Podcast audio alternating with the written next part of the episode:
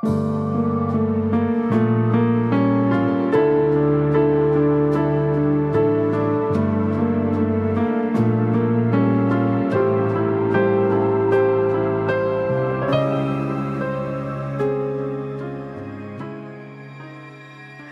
morgen.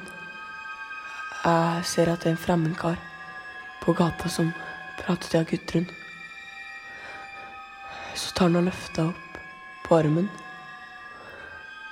og henne om bord på et dampskip. Han går ned i kahytten. Der er det flere unger på samme alder.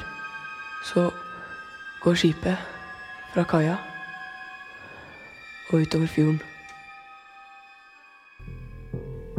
I 1907 forsvinner den seks år gamle Gudrun Clausen fra sitt hjem i Vika i Kristiania. Straks oppstår det rykter om at hun er bortført av tatere. Ryktene blir kraftig underbygget når den synske 14-åringen Johan Fløttum fra Singsås i Trøndelag ser syner av den bortførte Gudrun. Johan Fløttum blir hentet av Aftenposten til Kristiania for å følge sporet. Der var det! Der lå båten. Du verden. Det er jo her alle båtene legger til for å fylle sand. Nå kommer jeg ikke lenger. For jeg kan ikke følge dem på vannet. Men, men kan du se hvem som er i båten? Er det flere menn om bord? Nei, men det er kjerring, og jeg ser tre unger. Og så Gudrun, da. Og lille Gudrun, ja.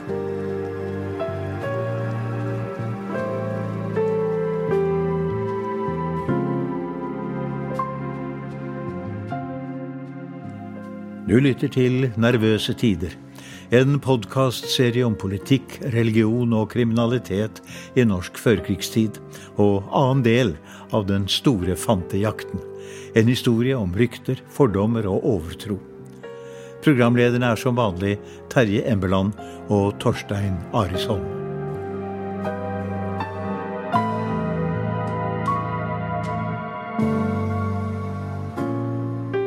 Dette dampskipet som Gudrun skulle ha blitt båret om bord i, det hører vi ikke noe mer om. Nei. Og i en Hordalandsavis sto det at Johan Fløttum og Aftenpostens journalist Bugge Frås gikk ned til jaktehavnen i Kristiania. Ja, avisenes skildringer disse første dagene er veldig sprikende når det gjelder hvor de gikk og hva de så. Jaktehavnen var nok utpekt fordi Gudruns mor hevdet å ha hørt barneskrik fra en fantejakt der nede. Akkurat. Fløttumguttens syner var eh, tydeligvis påvirket av hva menneskene rundt ham forventet at han skulle se. Ja, det konkluderte også doktor Weffring, han som hadde undersøkt Johan Fløttum før gutten ble med Aftenpostens eh, journalist ned i Vika. Sett på bakgrunn av hans unge alder er det lett å forklare hans elskverdige lyst til å tilfredsstille alle krav som stilles til ham, og kanskje hans lyst til å vise seg. Jeg har i det hele ikke sett noe hos gutten som styrker påstanden om at han er synsk. Vi må vel oppsummere at eh, Kristiania-turen var ganske mislykket. Ja, Johan Fløttum måtte dra hjem med uforrettet sak, og Bugge Frås fikk ingen flere sensasjoner til Aftenpostens forside. Men en flott tur med hotellopphold og restaurantbesøk kunne jo gutten se tilbake på. Ja, og kanskje det var, var utsiktene til mer av det samme som gjorde at han fikk nye syner av Gudrun straks han var hjemme igjen på Singsås. Ja, hallo? Kan jeg få snakke med lensmannen i Orkdalen? Ja, jeg venter. Ja, det her er Johan Fløttum. Ja, ja, det er meg. Ja, jeg vil bare fortelle at jeg har sett av Gudrun igjen. Ja. Hun leker med to fantunger. Ja, fant. I en båt. Men når de gått i land? Og etterpå snakket han om at Gudrun var blitt flyttet fra det ene taterfølget til det andre fra de gikk i land, og etter hvert var de på vei opp Gauldalen i ly av mørket. Og i bygdene omkring trodde mange på det gutten med den sjette sans sa. Her ble det mobilisert stort, forteller Adresseavisens utsendte reporter.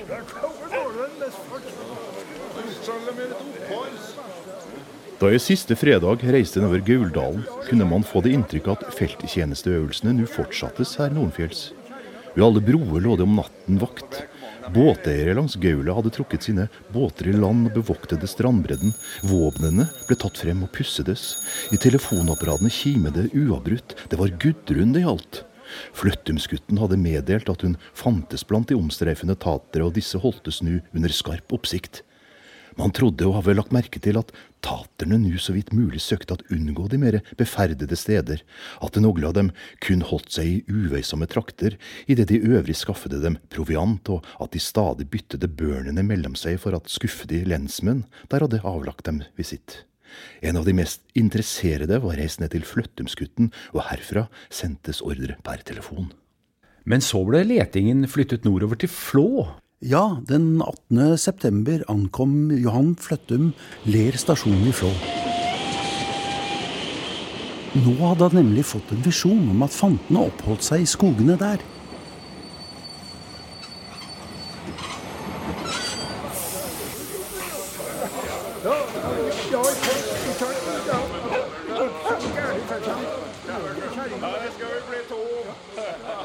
Ganske ekstraordinære tilstander er der i Flå i disse tider.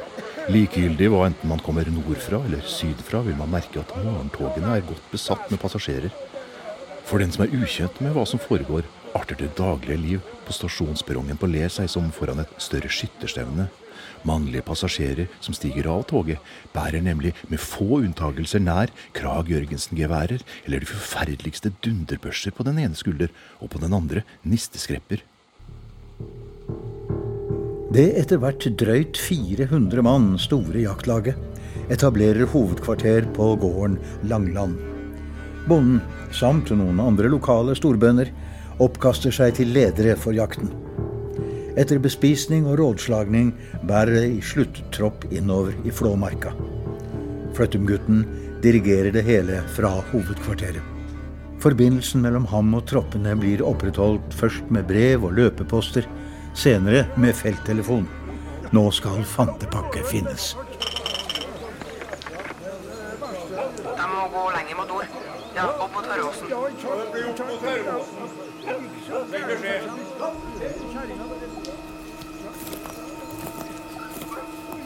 I flere dager tråler mennene skogen uten at de finner det minste spor av noe fantefølge.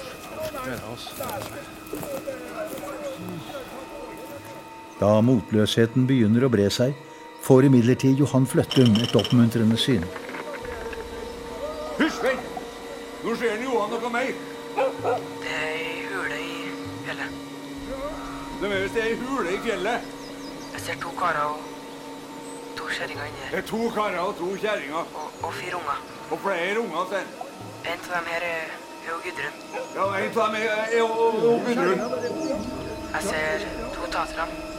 Med ladd revolvere. De har ladd. To, to ladd revolvere, visst du. Ja. Hører dere det, karer? De er i ei hule. Er det noen som vet om ei hule der oppe i Ørvossen? Ikke akkurat, men da jeg var ung, så fant jeg et bjørn, bjørnhi oppi den. Ja, det var da vel det jeg visste. De har gjemt seg. Ja, men det er jo tråd og lita, da. Det er jo ikke plass til Ja, noe. er det noen som vet hvor det ligger? hen?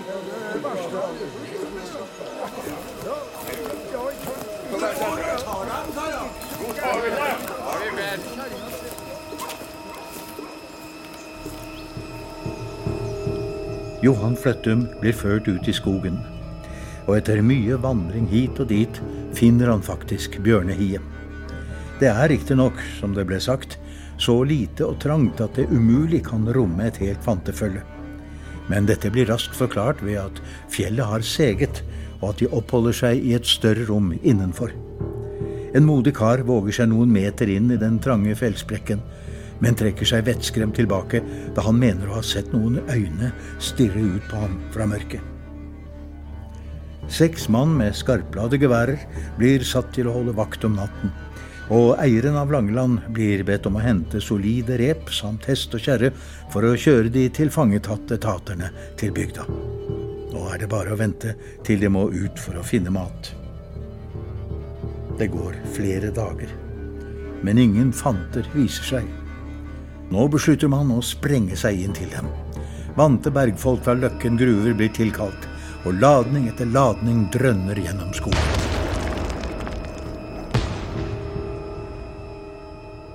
Men fantene er kaldblodige og viser seg overhodet ikke. 400 fanatisk oppspilte karer utstyrt med skarpladde våpen og dynamitt på jakt etter tatere. Dette massehysteriet var jo livsfarlig. Rene lynsjemobben. Man må jo spørre seg hvordan tatere som tilfeldigvis befant seg i distriktet, opplevde det hele. Ja, siden vi ikke har noen skriftlige kilder til det, så kan vi bare spekulere. Men eh, tatere som forsøkte å flykte fra distriktet, ble pågrepet og internert uten at man hadde noen som helst politimyndighet.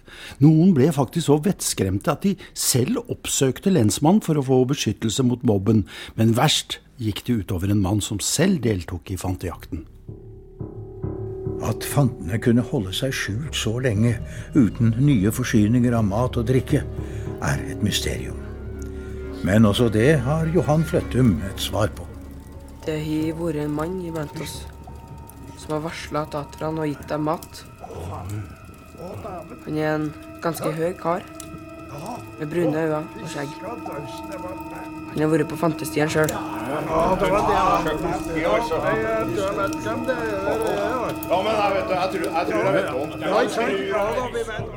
Det tar ikke lang tid å identifisere denne forræderen som sambygdingen Anton Lysgård.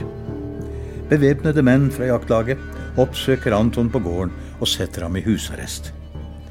Deretter blir han kjørt i kjerre med bevæpnede menn på hver side til Langland, hvor retten blir satt. Nå, Anton. Innrømmer du har gitt fantene mat? Og advart dem om at vi kom? Nei, håle, det er noe sånt her jeg aldri gjort. Jeg har ikke engang sett noen fanter. Og det har ikke dere heller. Det er ingen fanter oppi Hørvås. Det er kanskje de skyld, det, Anton. Hæ? Du gikk jo fra oss der ute i skogen, og ingen så snurten av det. Gikk, altså, det var jo bare tull det vi holdt på med. Tull? Inn rundt sånn i skogen som høna uten haug. Gikk min vei, ja, for fanken. Jeg måtte jo ta meg til gårda. Og ungene må jo få seg mat. Ser du tull, og du, ja, jaha. Det er ikke sånn at den, eh, som en Johan sier, at du sjøl har vært på fantstien. Ja,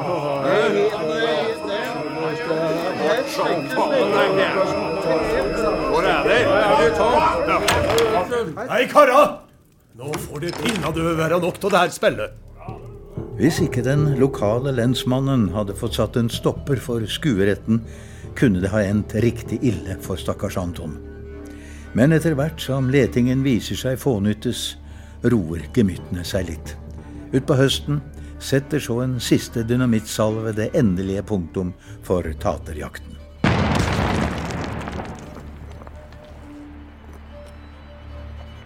Bygda, som en tid har vært en kokende heksegryte, faller nå tilbake i roligere folder. Og etter hvert er det flere som gir Anton Lysgård rett i at eh, hele foretagene hadde vært tull. I trondheimspressen, som hele tiden har vært skeptiske, blir hendelsen oppsummert som et anfall av massesuggesjon, fyrt opp av gammel overtro. Overtroen seirede over fornuften. Og så sikker var man i sin overtro at man fattet den herostratiske beslutning at minere fjellet vekk. I uker, ja måneder, drev en stor mannsyrke på. De ofrede sin tid, og andre ofrede penger for å underholde arbeidet. Det er sørgelig at folk på vår tid ikke er kommet lenger med hensyn til tro på overnaturlige ting enn man var i den mørkeste middelalder. Da hadde man også den samme historie som nå, idet børn opptrådte som profeter og ble trodd over hele landet.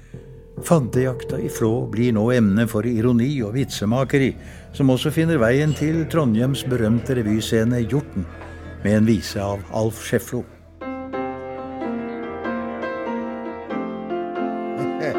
Ja, man jo for tida finner opp mye rart, det vet de sjøl. Og berget opp i Flå, der fant de nylig opp et høl. Og han Johan kunne sjå hva i hølet det lå. Ja, er det ikke mirakelstell hva slik en gutt kan sjå? Vi skaut og dominerte en måned uten stans. Og Johan dirigerte det hele med sin sans. Og en brått damme krut gikk det med til hvert skut. Men det var svart for pinna å få røyka pakke ut. Men han Johan så, ja, det må nu vetta sjøl. Hvor mye vi skaut og dominert, så vart det bare høl. Men så rart kan det gå, at vi en gang får sjå. Det finnes likevel noe rart i hølet oppi Flå.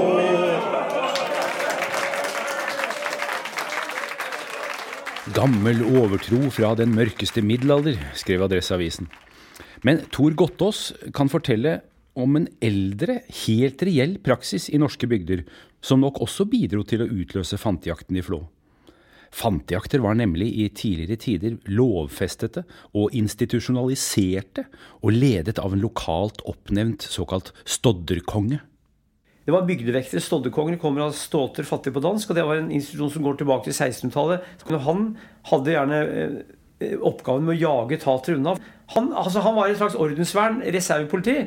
Dette var et system som samfunnet utvikla, eh, og som fungerte veldig forskjellig i ulike steder. Vi hører at stoddekonger som dreper tatere. Så veldig forskjell, forskjell på prester, lensmenn og stoddekonger i hardheten, tror jeg. Jeg tror hele enkelte stodderkonger kunne, være- kunne være strenge, og noen fikk betalt per dag i arbeid. Og noen fikk betalt akkord, hvor de fikk per tater brakt inn eller jagde videre. Stodderkongen var jo, det var jo gjerne en slåsskjempe eller en, en kar som var sterk. Og det var ikke, det var ikke noen pyse som var stoddekonge. Altså. Det måtte være en harding. Stodderkongen hadde altså ansvaret for fantejaktene. Og de foregikk ved at bygdas menn tok med seg våpen og samlet seg for å jage taterne. Jakt ble organisert i hele landet og forekom vanligvis en eller to ganger i året. Den første registrerte fantejakten i Norge skjedde i 1643, og praksisen fortsatte gjennom hele 1700-tallet. Tror du at fantejakten i Flå kan ha vært en slags videreføring av denne gamle praksisen?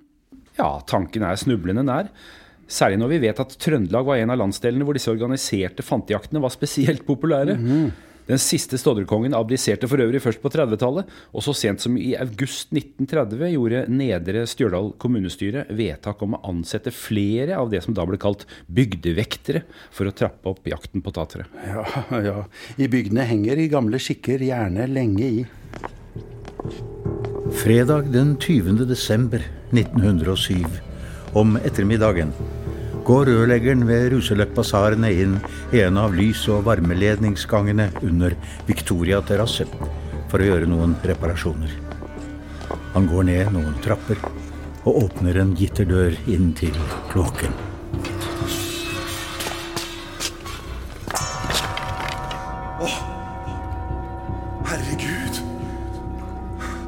Til sin forferdelse oppdager rørleggeren at det er en liten hodeskalle som ligger ved siden av andre likrester og noen tøyfiller. Politiet blir kontaktet, og restene er brakt til Det patologiske anatomiske institutt på Rikshospitalet, hvor de blir undersøkt av professor Francis Harbitz. Ja ja, så var det gjort.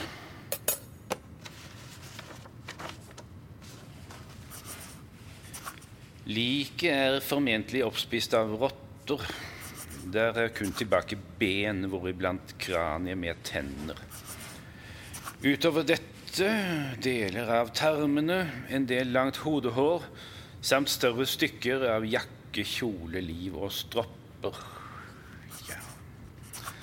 Herav kan man slutte at likrestene er av en ca. syv år gammel pike. Stroppene er ennå påknappet livet, noe som er av interesse like overfor spørsmålet om en mulig voldtektsforbrytelse. Ja, så fikk altså historien om lille Gudrun den tragiske ende som oppdagelsessjef Mosin tidlig spådde. Jeg tror hun er forulykket, og at man en vakker dag finner hennes lik. Hun hadde endt nede i kloakken rett i nærheten av sitt hjemsted i Ruseløkkeveien 20. Og der omkom hun. Ja, men den presise dødsårsaken kunne ikke Harbitz eh, stadfeste sikkert. Heller ikke hvorvidt hun før hun endte der nede var utsatt for en forbrytelse. Eh, Men det meste tyder på at hun hadde falt, slått hodet og omkommet av sult og tørst der nede i kloakkrøret. Åh, det er grusomt og tragisk. Men hvordan gikk det så med Fløttumsgutten etter funnet av Gudrun i kloakken? Han må jo ha mistet sin siste rest av troverdighet.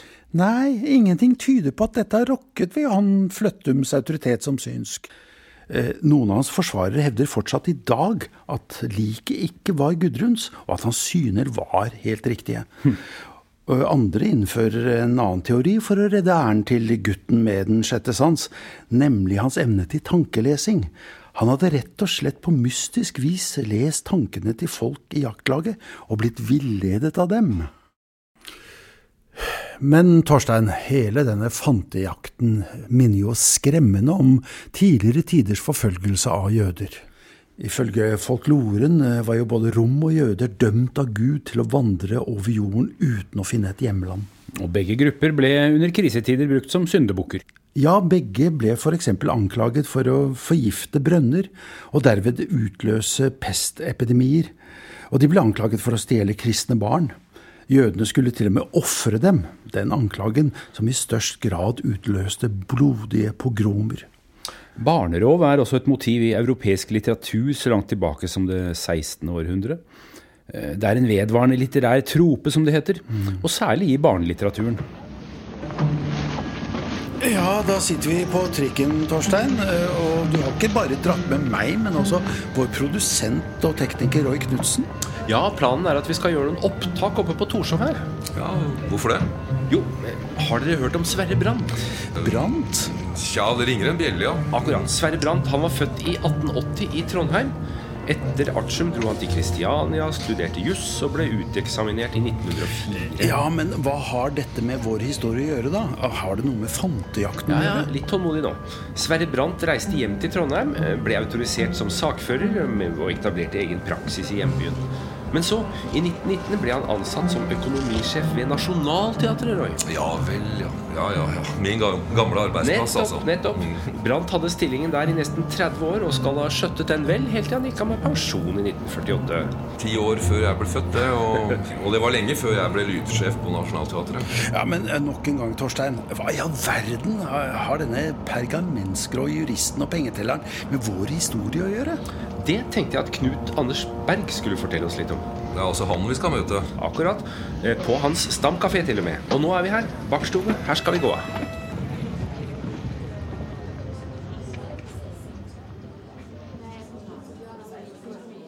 Hei, Knut. På plass allerede? Ja, nei, vi sitter her, jeg. ja. Men du, Knut, du er jo litt av en juleekspert. Du har skrevet mange artikler og også bøker om emnet jul og juletradisjoner. Og en av de faste juletradisjonene i veldig mange norske hjem er jo å se filmatiseringen av skuespillet 'Reisen til julestjernen' nei. på julaften formiddag mens man stryker pentøy og steker ribbe. Må, må vi snakke om dette her også? Det stykket er jeg grundig lei av etter å ha kjørt lyden på det ja, sikkert hundrevis av forestillinger. Og nå husker jeg det, ja. Sverre Brandt. Han var jo forfatteren. Mer søtladent møl skal du leite lenge etter, syns nå jeg, da. Altså, det er jo en, eh, det er en blandet fornøyelse å, å, å se og høre.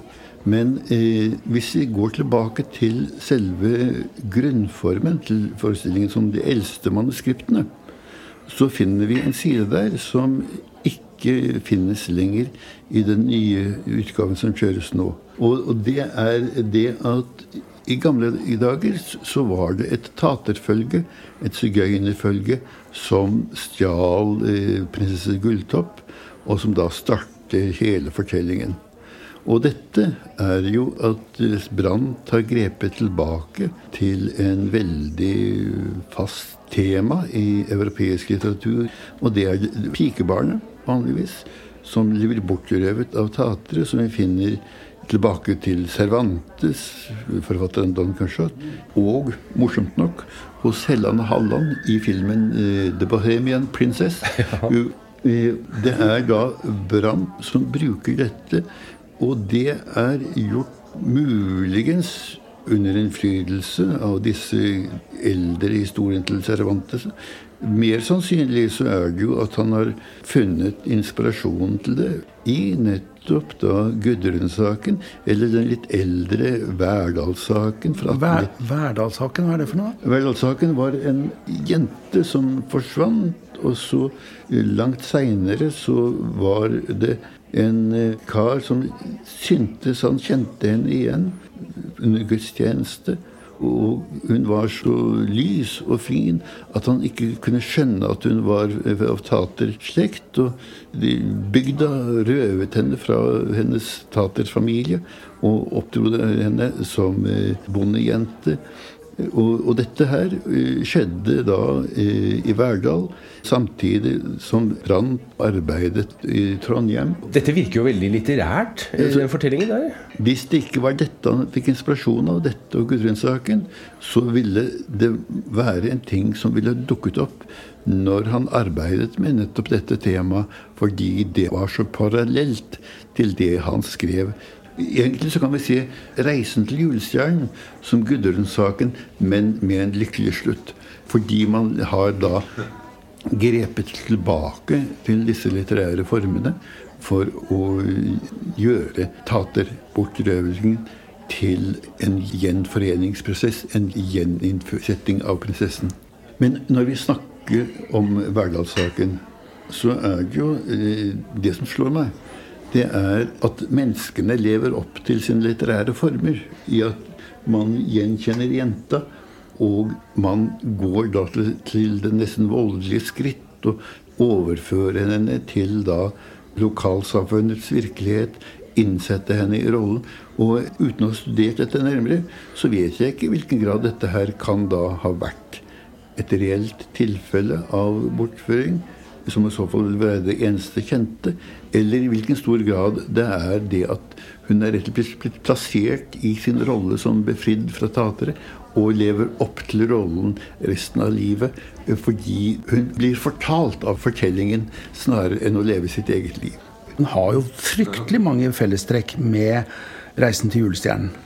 Det er tilfellet. Men det er også det at så vidt jeg har skjønt, så, så fikk jo Gudrun-saken langt mer publisitet med dette her gruvesprengninger og store organiserte taterjakten. Så var det jo en langt større mediesak enn Verdalssaken ble. Eh, Verdalssaken eh, det er kanskje det nærmeste vi kommer et eksempel på at tatere bortførte barn. Men, men, også den fortaper seg i mytenes mørke. Du, du, har ikke kommet over noe andre? Jeg har ikke, har... kommet over noe andre. Og i det jeg finner av litteratur, så kan jeg ikke se noen sånne reelle eksempler på dette her. Ja, altså, jeg leste jo om dette her og ble jo veldig overrasket over hele forfølgelsesmanien i dette, dette hysteriet. Men det som også slo meg, det var hvor mye dette her er liksom suset av det gamle samfunnet. Dette taterfølget, det er jo halvt underjordiske. Det er liksom sånn haugfolket, huldrefolket, som fører jenta inn i fjellet i den, denne ville hulejakten i, i Flå. Som, som, jo på å si er, Det er mer jakt på troll enn på tatere. Hvis man ser dette her på litt på avstand og myser på det. Og det er også den, denne underlige rollen som avisene fulgte. Gå, gå til en synsk gutt. Det er, det er neppe deres stolteste pressehistoriske øyeblikk.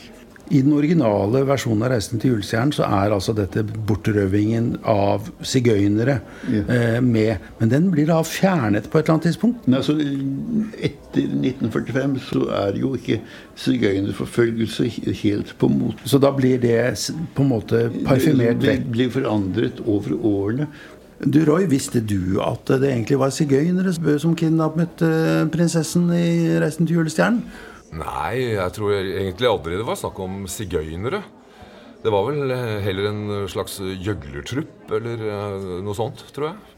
Nei, sigøynerforfølgelser var kanskje ikke på moten i 1945, men norske tatere opplevde jo ikke akkurat noen frigjøring eh, i forbindelse med andre verdenskrig gikk over. Nei. Det skjedde mye rart i etterkrigstiden i disiplineringen av samfunnet. Hvor taterne falt utenfor. Og så falt de til og med utenfor eh, julefortellingen til Sverre Brandt? Ja, men eh, akkurat det tror jeg ikke at de savner.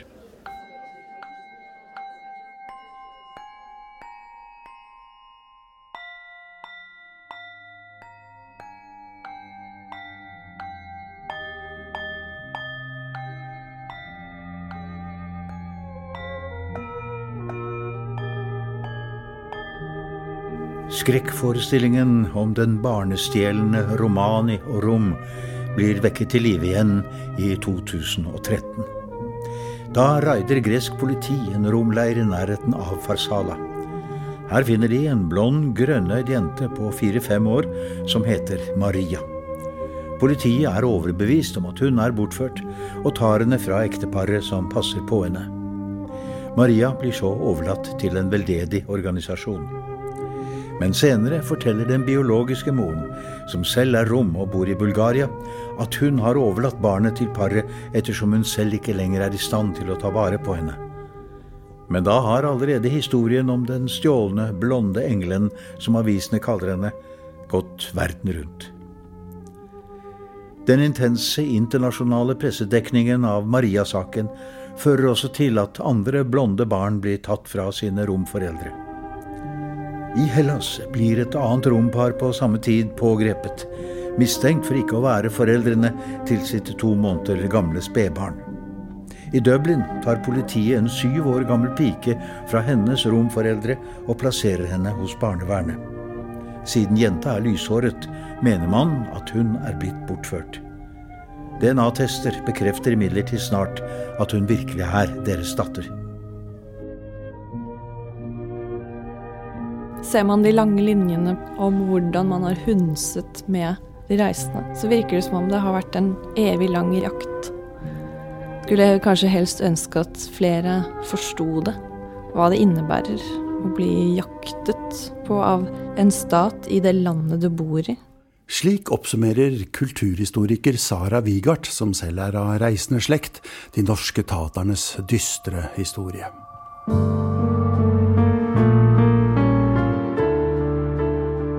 Uansett hvor marginalisert tatere var, så gjør det ikke forestillingen om at de bortførte barn noe sannere. Nei. Den er intet annet enn en rasistisk videreføring av en eldgammel myte. Men som vi har hørt, fantes det én form for barnerov som var virkelig nok, og nær knyttet til taterhistorien, nemlig at taterne ble fratatt sine egne barn av myndighetene. Akkurat.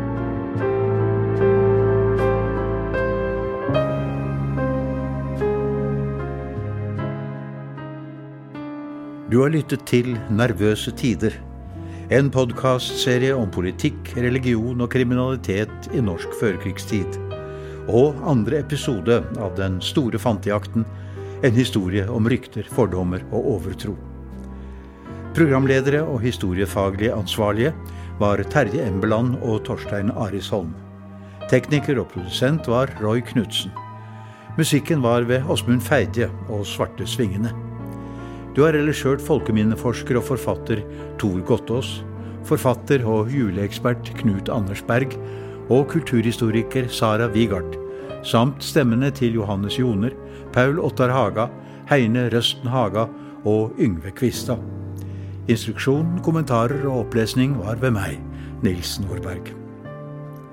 Nervøse tider distribueres av plateselskapet nummer 13 og støttes av Bygningsarbeidernes Fagforening og Oslo Handel og Kontor.